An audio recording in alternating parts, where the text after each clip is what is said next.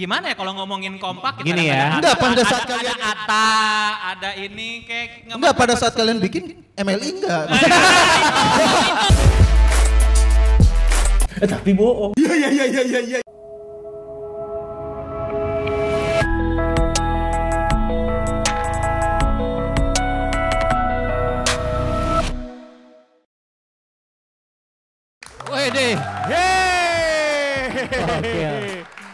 Gokil. Masih setia. Hei. Halo. Jadi jadi gini ya rasanya jadi Raffi Ahmad. Aduh gak pakai Kea dong.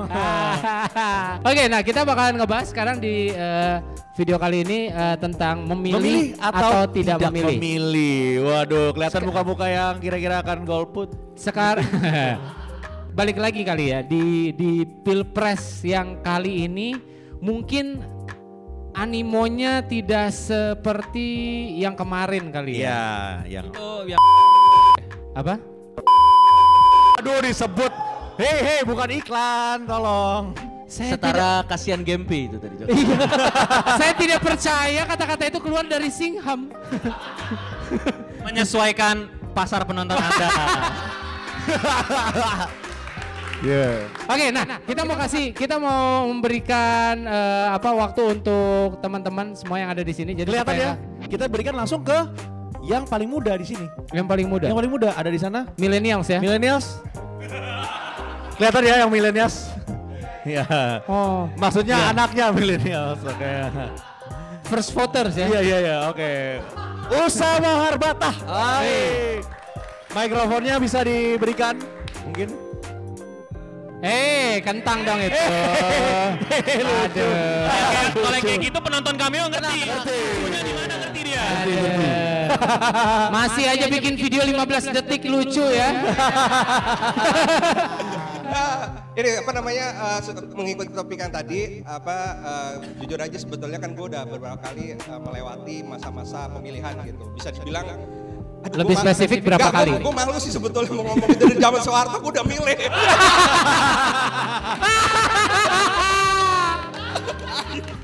Aduh. Ya ampun. Ber- berarti Anda ada andil dalam peristiwa 98. Saya berada di Trisakti Pak 98. Iya tuh. Terima kasih Pak Usama. Ngelanjutin yang tadi jadi eh, hampir setiap apa namanya pemilu itu gue bisa ngelihat orang-orang yang apa namanya mengajak golput itu selalu ada gitu di setiap pemilu gitu. Dan eh, sekarang justru saya mau kembali kepada kalian semua yang apa ya dari kemarin eh, kalian ngomongin soal demokrasi, keresahan tentang politik-politik apa pemilu yang yang akan apa namanya yang akan kita hadapi eh, sebulan lagi. Eh, justru saya mau tanya balik kepada kalian gitu. Eh, kalian sendiri Eh, dengan dengan keresahan-keresahan yang ada eh, menjelang pemilu ini kalian akan memilih atau tidak gitu. Nah, ya itu sih pertanyaan saya. Kayak lagi ditanya guru ya. Sebelumnya mungkin kita eh, harus mengapresiasi bahwa Bang Usama nih termasuk pemilih yang udah berkali-kali udah lama ya. Ya. Bahkan tadi Bang Usama bilang dia sudah memilih dari zaman Orde Baru. Iya. Betul. Tapi saya rasa dia baru benar-benar memilih setelah Orde Baru lengser. Aduh. Baru benar-benar memilih. baru benar-benar memilih. Cameo penonton yang masih tidak ngerti tadi lucunya di mana. Itu lucu sekali saudara-saudara. Tapi orang zaman dulu tuh kalau milih, mengapa pilihanku tidak pernah menang? Nggak, oh berarti Usama dari zaman dulu udah ya? Pak dulu tuh pilihan tuh cuma ada tiga nggak ribet. Kita cuma cari cup doang udah. Sekarang mau bingung ada banyak. Udah, udah tua banget berarti Bang. Udah itu terus pilihan udah juga cuma cuma tiga itu doang kagak ada milih presiden DPR apa kagak. Benar kagak ribet sama ya. dulu. Gini gini, udah milih cap cip cup, yang kepilih dia lagi. Dia lagi. Ah. Tapi itu masa lalu, masa lalu. Pertanyaan yang substansialnya adalah apakah kita akan memilih? Menarik, siapa yang mau jawab duluan? Waduh. Eno. Eh, gua akan menggunakan hak pilih gua, tapi gua membela hak golput. Karena itu adalah hak yang sesimpel eh, sebagai warga negara. Golput itu bukan pelanggaran, Itu bukan hak ya? bukan tindakan kriminal, bukan tindakan tidak terhormat, bahkan tindakan yang menjijikan. Dan saya sedih sekali melihat banyak orang yang mengkampanyekan kalau golput itu kayak hal yang salah, hal yang berdosa, hal yang kayak menjijikan gitu. Padahal itu ya hak orang untuk memilih tidak memilih. Yang saya kecewakan adalah, gue nggak ngerti ya, maksudnya ini, ini teknik marketing sederhana ya.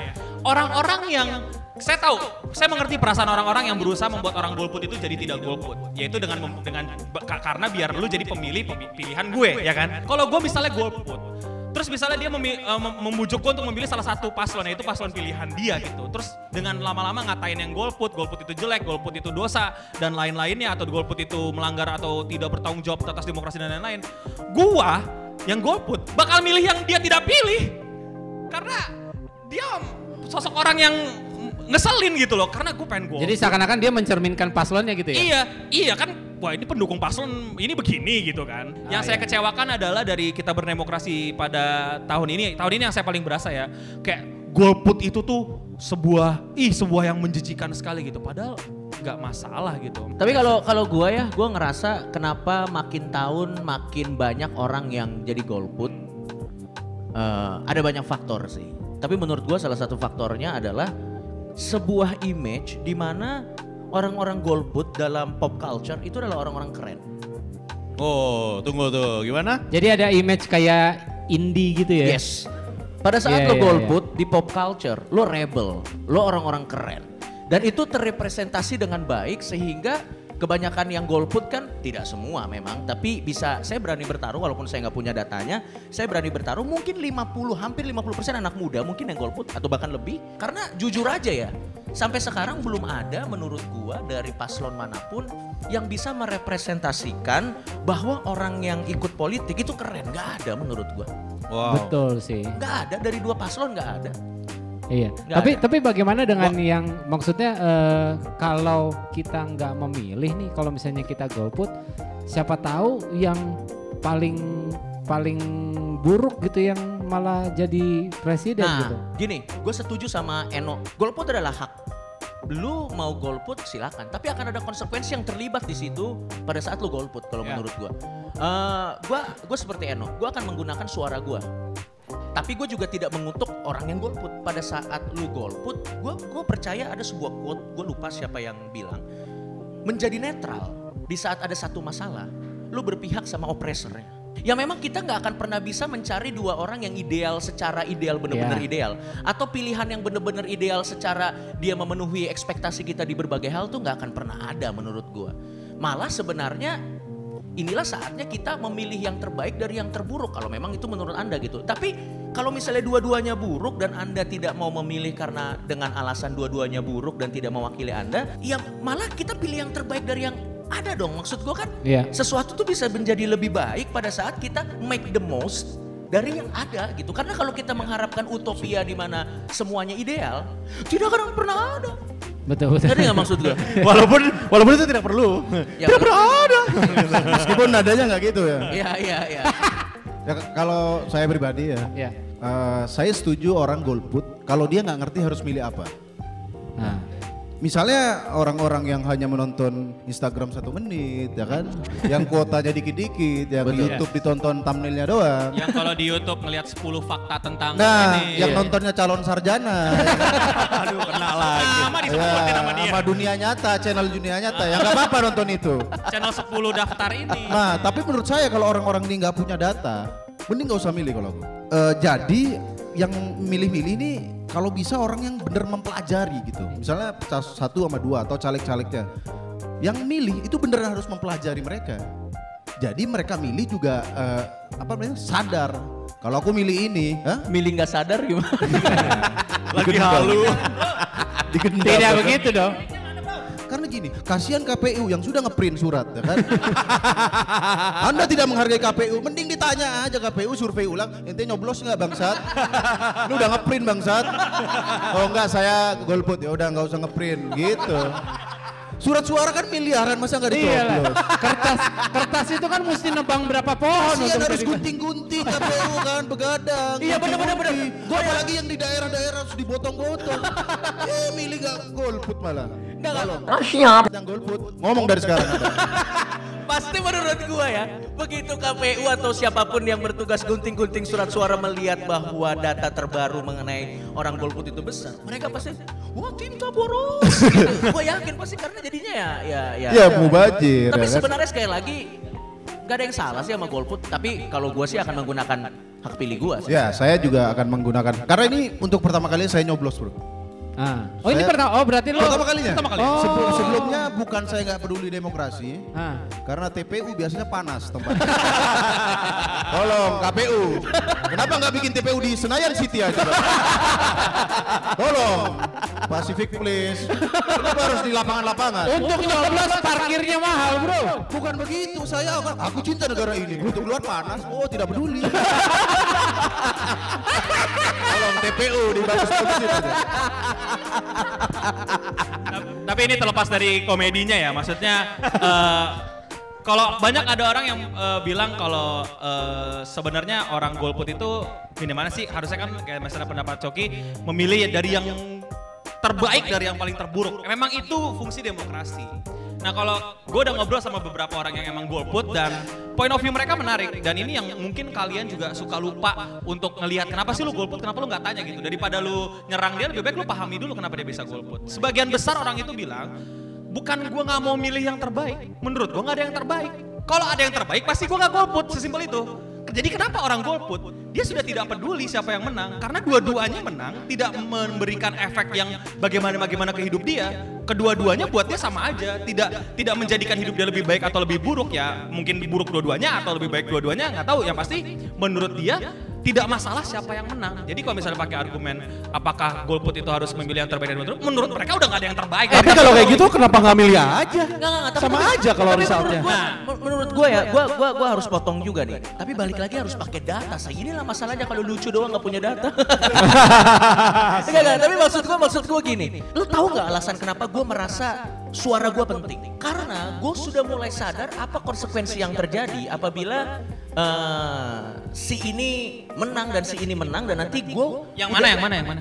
Waduh. Adalah. Oke. Pokoknya pokoknya Kalau ini ki- ki- Enggak, ini sangat sangat penonton mengerti dong. Iya, karena ini kisah menarik ya. Iya, iya, enggak, enggak, enggak, enggak.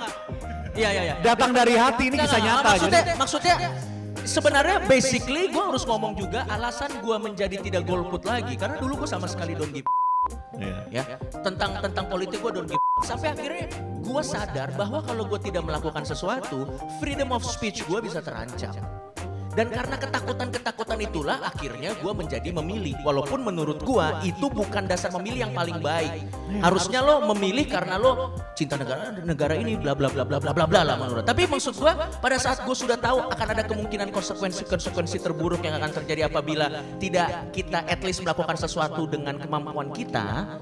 Eh, akhirnya gue menjadi merasa anjir penting loh ternyata kita berpolitik Benar. penting loh at least sampai taraf tertentu dengan kapabilitas kita kita mencoba memperbaiki negara ini gitu maksud gue Benar. akhirnya Iya, betul. gue gua memilih untuk untuk memilih nah buat orang-orang yang merasa bahwa siapa pun yang menang tidak akan ada impactnya ke kehidupan mereka sah sah aja tapi menurut gue itu pasti adalah orang-orang yang apabila kerusuhan bisa pergi ke luar negeri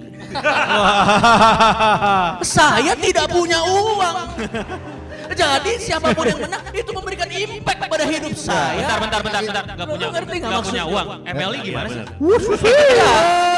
Maksud gua kalau misalnya cuman pergi pergi pergi keluar dan untuk menetap jadi warga negara asing adalah is an option gitu Benar. maksud gua. Tapi pada saat lu tidak punya exit plan itu, pada saat negara kita burn atau terbakar civil war dan lu tidak punya opsi untuk keluar dari situ, tidak punya exit plan. Menurut gua at least ini menurut gua, jangan take it in a wrong way ya. Iya. Lu harus do something karena kalau lu punya exit plan itu pada saat kita jadi civil war atau apa, ya gua tinggal keluar negeri ya mungkin lu sah-sah aja mungkin tidak ada. Itulah alasan juga saya memilih untuk pertama kalinya bro. Sama kayak Coki, saya merasa harus menentukan pilihan saya. Karena lebih baik saya panas jalan ke KPU daripada saya merasakan dinginnya penjara. Berarti jelas ya salah satu. Apa kedua orang ini sudah tahu salah satu dari antara eh, paslon ada yang bakal civil war tadi katanya gimana? Oh tidak.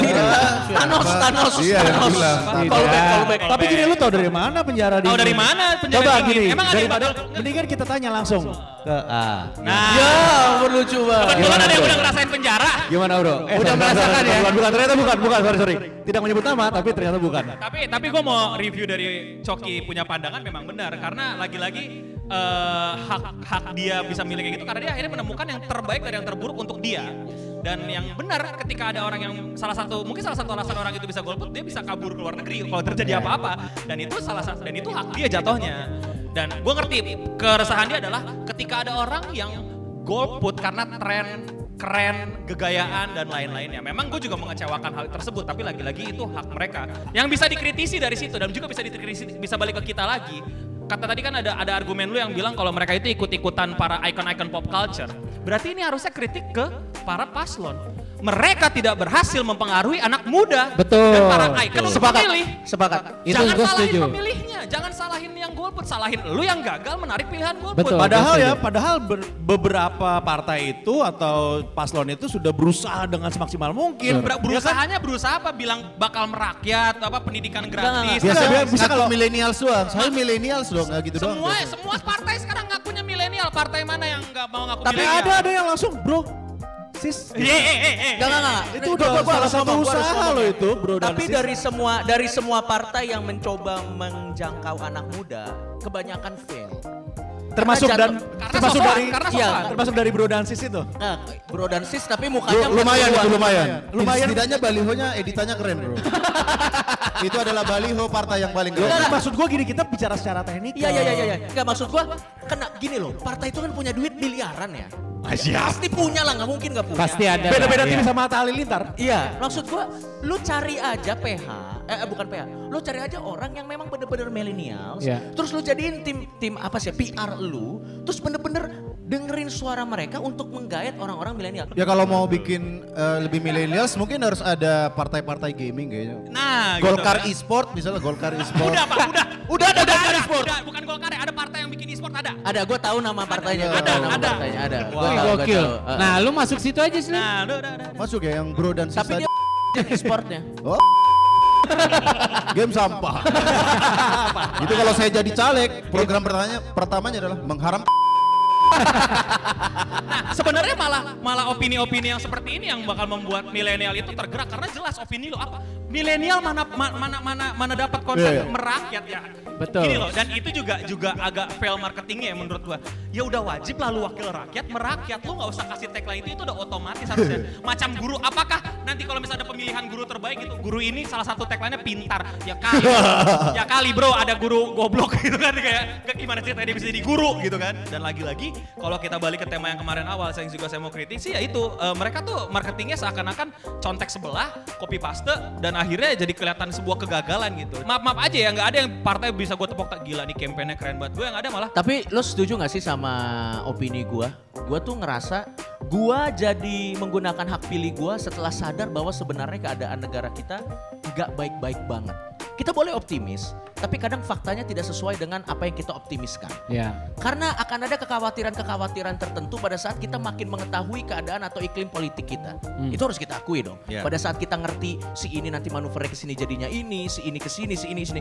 Bahkan kadang kita ngeri sendiri dan bahkan Ya semakin susah dan sih bahkan jadinya kayak. ironinya adalah kengerian itu yang membuat kita jadi pengen memilih supaya itu tidak terjadi. Lo ngerti gak sih ya, maksud gua? itu kayak semacam deal, apa driven by fear kan jadi driven by fear. Iya. Lo memilih karena ketakutan, bukan karena keidealisme berdemokrasi gitu. Jadi bukan pesta demokrasi, ini namanya lagi eh, apa santet-santetan demokrasi gitu nih. Jadi Nah, kayak kejam. itu yang lagi kejam- dilakukan kejam- sekarang. Sekarang tuh lagi lagi di lagi ditakut-takutin semua Iya, kita gitu loh. kita semua jadi kayak makanya itu yang gue benci dari pesta demokrasi yang harusnya di mana kita bersenang berpora gitu. Gua kampret, lu cebong, lu kodok, lu udah nggak ada kelawar, lu nggak ada fun-funnya lagi. cacing itu ya kita biasa aja. Kita debat Am- kalau perlu ya sampai ngata-ngatain sampai segala macam. Selesai debat yang menang siapa? Selamatin. Gue oposisi. Selesai. Tapi habis itu makan makan bareng. Yang sekarang kan eh, perbedaan ketakutan itu jatuhnya adalah bentuk-bentuk materi.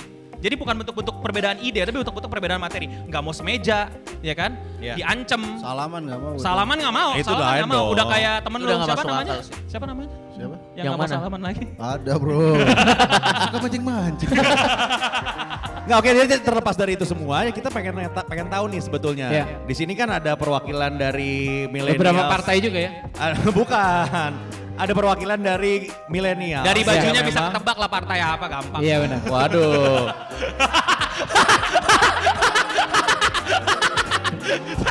Mile Napas banget nih. Wih, Ini perwakilan Alfi. Baik, berkarya, berkarya. baik ya. Langsung aja kita tanya nih, ya kan? Iya. Dari po- partai K-pop. Lucu banget. Nah, ini dia cukup bisa mewakili untuk kalangan K-popers nih gimana coba? Konten K-pop copyright semua.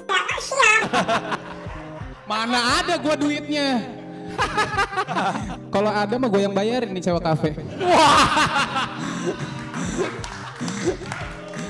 Nah, menurut lu gimana nih, Pi? Alpi? Iya. Ya kan dari tadi kita bahas kan soal wah kayaknya nggak asik deh ini eh, partai-partai atau paslon-paslon ini. Menurut lu gimana sih sebagai calon pemilih dan calon eh memang punya masa di K-popers asik nih?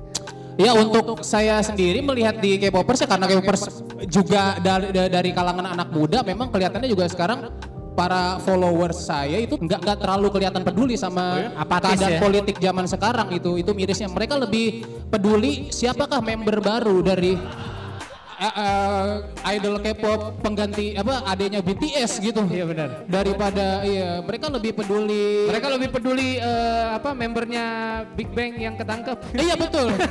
itu mereka malah lebih eh, memilih untuk menyelidiki kasus itu daripada menyelidiki eh, paslon mana yang paling baik untuk pilihan mereka gitu. Itu sih saya mirisnya gitu. Tapi Iya, itu ke- kenyataannya memang seperti itu ya. kenyataannya memang seperti itu. iya.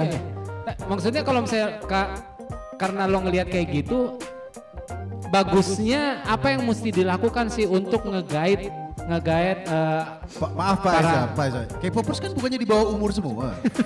Ada juga. ada dong. Enggak, wah lu jangan. Eh saya pak, saya, Oh Anda tuh. saya. tapi dong. Tapi gua gua jadi gara-gara Alpi Sugo ya, gua jadi punya Gua pernah ketemu sama beberapa artis pelawak senior yang memang dia punya masa yang sangat besar. K-popers juga mereka. Bukan. Enggak bro. Maksud gua, maksud gua kan K-popers termasuk yang yang yang masanya besar. Dia Iya, juga iya. punya masa besar. Jadi gua pernah ngobrol-ngobrol. Kadang kita suka ngelihat banyak public figure yang seolah-olah tidak terlalu peduli dengan Iya. dengan apa namanya dengan klaim politik. Iya. Tapi setelah kita ketemu mereka in person, Iya. terus kita ngomong di balik kamera, mereka sebenarnya care. Terus Betul. gue gue pernah tanya, bang, maksud gue kan dengan kapabilitas lo, dengan influence lo, dan dengan reach yang lo punya di sosmed dan lain-lain, sebenarnya lo mengung- mengungkapkan pendapat lo itu sangat membantu, at least untuk memberikan wake up call kepada masa lo. Kenapa lo tidak melakukan itu? Dan jawabannya satu, gue akan kehi- kehilangan pekerjaan gue pada saat gue mengungkapkan itu. Itulah. Dan memang itu jadi lingkaran setan. Maksud gua karena si influencernya juga tidak berani menunjukkan diri dia berpartisipasi dalam politik karena takut kehilangan scene-nya. Di satu sisi karena itu terus-terus berlangsung seolah-olah orang yang berpolitik juga jadi tidak keren. Jadi itu jadi lingkaran setan sehingga akhirnya anak muda tuh nggak akan pernah Ya di di satu sisi seperti itu, di sisi yang lain orang yang memang sebetulnya tidak begitu tertarik dengan mil- dunia milenials Hmm. membuat seakan-akan dia tertarik. Dan yang akhirnya terpancar itu adalah kepalsuan sebetulnya dan itu gampang banget dilihat dan orang akan yang kayak masa sih dia scare itu sama dunia YouTube, Nih, nih, gua scare mau- itu sama mau dunia cerita online. du- dunia YouTube Amerika dan pemilu ya. Jadi eh, dunia YouTube Amerika juga menghadapi pemilu dan banyak banget influencer mereka yang berani speak up untuk Yes, kasih tahu mereka yes. Eh, 01 dengan 02. cara yang sangat brutal bahkan. Iya, caranya lebih Brutal sadis. Kayak du- salah satunya Casey Neistat eh, waktu itu pernah ngus nge-endorse eh, Hillary eh, Hillary Clinton dan bilang gue bakal pilih lu dengan syarat begini, lu mesti begini gitu segala macam. Dan itu sebenarnya hal yang biasa dalam di berdemokrasi gitu kayak misal, misal saya, "Us, gue bakal pilih lu, Us ya."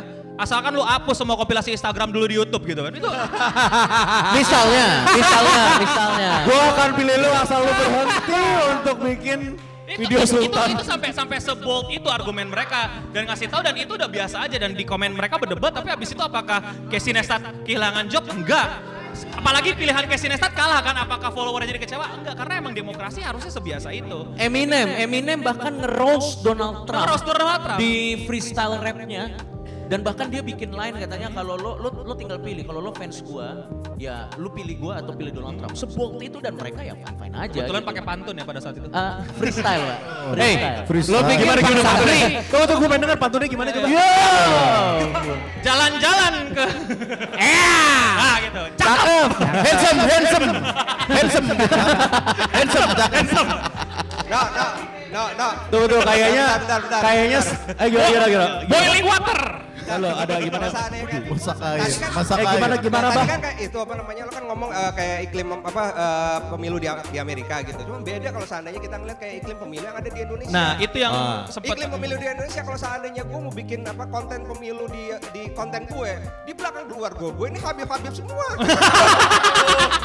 Bapak mengaku langsung. Nah, Iya. nah, nah ini, ini- lagi-lagi kalau kalian nonton POV yang sebelumnya Bener. itu ya poin pentingnya ketika lu mau ngomong apa pun lu dilindungin, Bro. Itu dulu dasar yang Itu paling dulu. dasarnya nah, tuh itu ketika dulu. pun lu nggak setuju, ada orang nggak setuju ya udah tinggal gak usah ikutin, gak usah dengerin, sesimpel itu. Lu nggak bahkan sesimpel lu nggak suka sama opini Usama, lu debatin lagi dan berdebat lu berdua silakan publik menilai mana yang lebih masuk akal, mana yang tidak masuk Eh. Tapi akal. tapi menurut lo eh, opini gua masuk akal nggak nih? Kita kan eh, aduh ini kontroversi nggak ya? Coba nanti diedit aja kalau Iya, kontroversi. kita lihat ya. udah di, di tolong di Ya.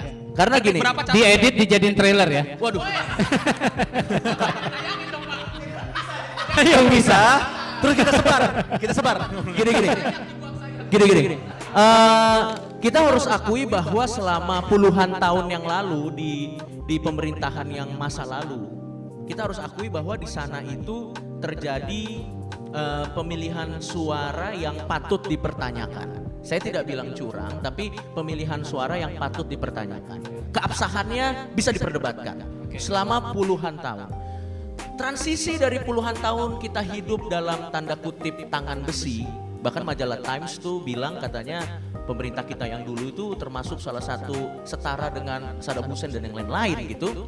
Transisi dari puluhan tahun hidup dalam sesuatu yang didikte menjadi sesuatu yang sebebas-bebasnya dari eh, apa ya bilangnya yang paling dari tangan besi tanda kutip menjadi demokrasi itu kayaknya terlalu cepat sehingga mungkin walaupun platformnya sudah demokrasi di mana kita bisa berargumen sebebas-bebasnya bisa melakukan eh, bertukar pendapat sebebas-bebasnya tapi mungkin yang harus kita sadari jangan-jangan alam bawah sadar kita tuh masih yang puluhan tahun yang lalu ngerti nggak lo? Masih yang terdikte di mana kita masih hidup da- ya sebenarnya kita belum siap karena dari yang kiri banget tiba-tiba langsung jadi kanan banget cuman dalam waktu semalam dua malam lo ngerti gak sih maksud gue sehingga pada saat kita ditawarkan demokrasi pun limpungan nih kita nih kaget Bang, karena gini dulu puluhan tahun yang lalu tidak ada orang ngomong sebebas ini. Lo ngerti gak sih maksud gue makanya sekarang tuh casingnya demokrasi tapi taste-nya taste. Enggak, enggak, enggak, gini. ngerti gak sih maksud gue Gini, gini. Ya apa? Apa pup apa? sensor sendiri. Tolong ada di Wikipedia pup ada. Enggak, enggak maksudnya. Tapi tapi tapi tapi tapi tapi tapi lo ngerti gak sih maksud gua? Iya, iya. Gimana gimana Slim? Enggak, enggak gini, gini, sedikit bro. Tapi jangan-jangan mungkin karena belum ada yang coba, Pak. Coba kan gini, apa? kalau di Amerika kan tadi YouTuber udah mulai tadi Eh gini. di Brasil ada youtuber jadi ini loh. Iya. Di Indonesia ini kan jangan-jangan sama-sama takut gitu Pak. Dia mau ngomong dukung ini, wah ntar digini, dia mau ngomong dukung. Gimana kalau Sama-sama coba. Sama-sama ngomong, misalnya youtuber dukung ini, ya udah ngomong aja semua. Kan jangan-jangan belum belum pernah ada yang nyoba, sama-sama takut. Saya saya mengerti sih ide Bener. Anda untuk mengkompakkan YouTuber kita coba bareng-bareng ya ya. Yo. Ini untuk em, gimana ya kalau ngomongin kompak kita Gini ya. Enggak, pada ada, saat ada, kalian- ada Ata, ada ini kayak Enggak pada saat kalian bikin MLI enggak. kalian. Karena kita cari aman, kita cari aman, kita cari aman. Saya, saya waktu Anda berdua kena kasus bikin video, saya ngajak teman-teman bikin video ba- bantu bela gitu aja juga ya. Tapi menurut gua memang agak susah. Ah susah. Tapi ada nggak momen eh, kita akan siap suatu hari untuk harus ada yang mulai, harus ada yang mulai. 2014 Cameo Project sudah melakukan. 2012. Hey, hey, 2014. Waktu kami, waktu kami bikin video, ya, Ya. kami dibully. Ya kita datengin tim ses itu ya. Nah, by the way kita mulai itu dari 2012 2012. sebetulnya dan sudah itu sudah terbukti efektivitasnya. Oh. Sebetulnya 2012, 2014, 2017 dan 2018 sekarang ini kita masih netral. belum belum deal harganya. Akhirnya- Oke. Kalau ada yang ngasih proposal. Akhirnya kita belajar dari pengalaman. Tidak usah. Jangan. Ya, jangan yang, yang cari udah nyoba aja pengalamannya cukup buruk ya ternyata ya. Gue gue sebenarnya pengen ngomong terakhir aja deh buat anak muda yang merasa ah gue juga nggak akan ada impactnya buat kehidupan anak muda siapa pun pemimpinnya. Gue cuma mau ngomong satu hal. Lo gak harus tahu kenapa impor rotan mangkrak, lo gak harus tahu. Lo gak harus tahu kenapa dolar melemah, lo gak harus tahu. Tapi percayalah sama gua, DWP akan ada atau enggak. WTF akan ada atau enggak. Indonesia akan punya wisata yang lebih asik atau enggak, itu tergantung siapa pemimpin. Ya, kita nggak ngarahin siapa-siapa, tapi anda tahu siapa yang. tapi anda harus bijak. Jari bro, jari bro, yang bijak. jari bro, jari bro. bijak. Karena karena kan gini, gini. Ini kan gua ngomong pakai pakai mic. Eh dia nggak boleh. Tenang, tenang, tenang, tenang, penonton tenang. Tenang, tenang. Damai, damai. Damai ya, damai. Damai, damai, damai. Tenang, tenang, tenang semua. Jangan rusuh, jangan rusuh. Gue cuma pengen kasih tahu gini aja. Nih, kalau ngomong ya, ya kan? Gak enak dong. Nah, ya kan? Itu itu mic mic ya mic ya. Itu mic ya. Mike, gue ngomongin Mike. Iya, bahkan Paulo Dybala dulu ngegolin gini. Sekarang gini dia. Ngegolinnya gini dia. Gak gini lagi, gini. Enggak, harusnya tuh kampanye ke anak muda begini caranya. Jangan iklan-iklan yang cringe. Jadi gini teman-teman ya. Closing saya dari saya adalah ada tiga. Ada tiga hal yang kalau saya bisa recap apa yang membuat Indonesia itu masih belum sebenarnya akrab. Pertama adalah yang selalu saya highlight adalah hukum yang tidak membuat kita bisa leluasa untuk pindah. Kedua adalah shock culture yang tadi dijelaskan oleh eh, Coki bahwa Ya. dulu kita eh, sulit, sekarang kita bebas, tapi casingnya doang nih jangan-jangan bebas nih. Dalam hati masih sulit. Tentu dalam hati ini juga sulit bebas kalau yang pertama secara hukum kita juga tidak dilindungi. Ah, dan yang ketiga adalah untuk eh, yang yang yang aktif sendiri ya itu ya para para paslon-paslon dan eh, partai-partainya sendiri yang tidak tidak apa ya tidak tidak mau Nggak proaktif gitu Iya, ya? nggak proaktif dan kayak nggak ada yang mau membuat tiga hal ini dua hal sebelumnya itu lepas gitu. Kayak gue mau majuin hukum yang membuat kita bisa melepaskan eh, eh, poin yang tadi di sini gitu. Saya nggak mau sebut nomor deh. Nanti kenapa-napa nih. Poin di sini gitu kan. Dan poin yang di sini. Nah itulah hal-hal yang memang terus berkontribusi dan terus mengekang kita terhadap ketegangan berdemokrasi dan berwarga negara Sehingga apabila tingkat golput semakin naik setiap tahunnya, jangan-jangan anda yang berefleksi jangan kami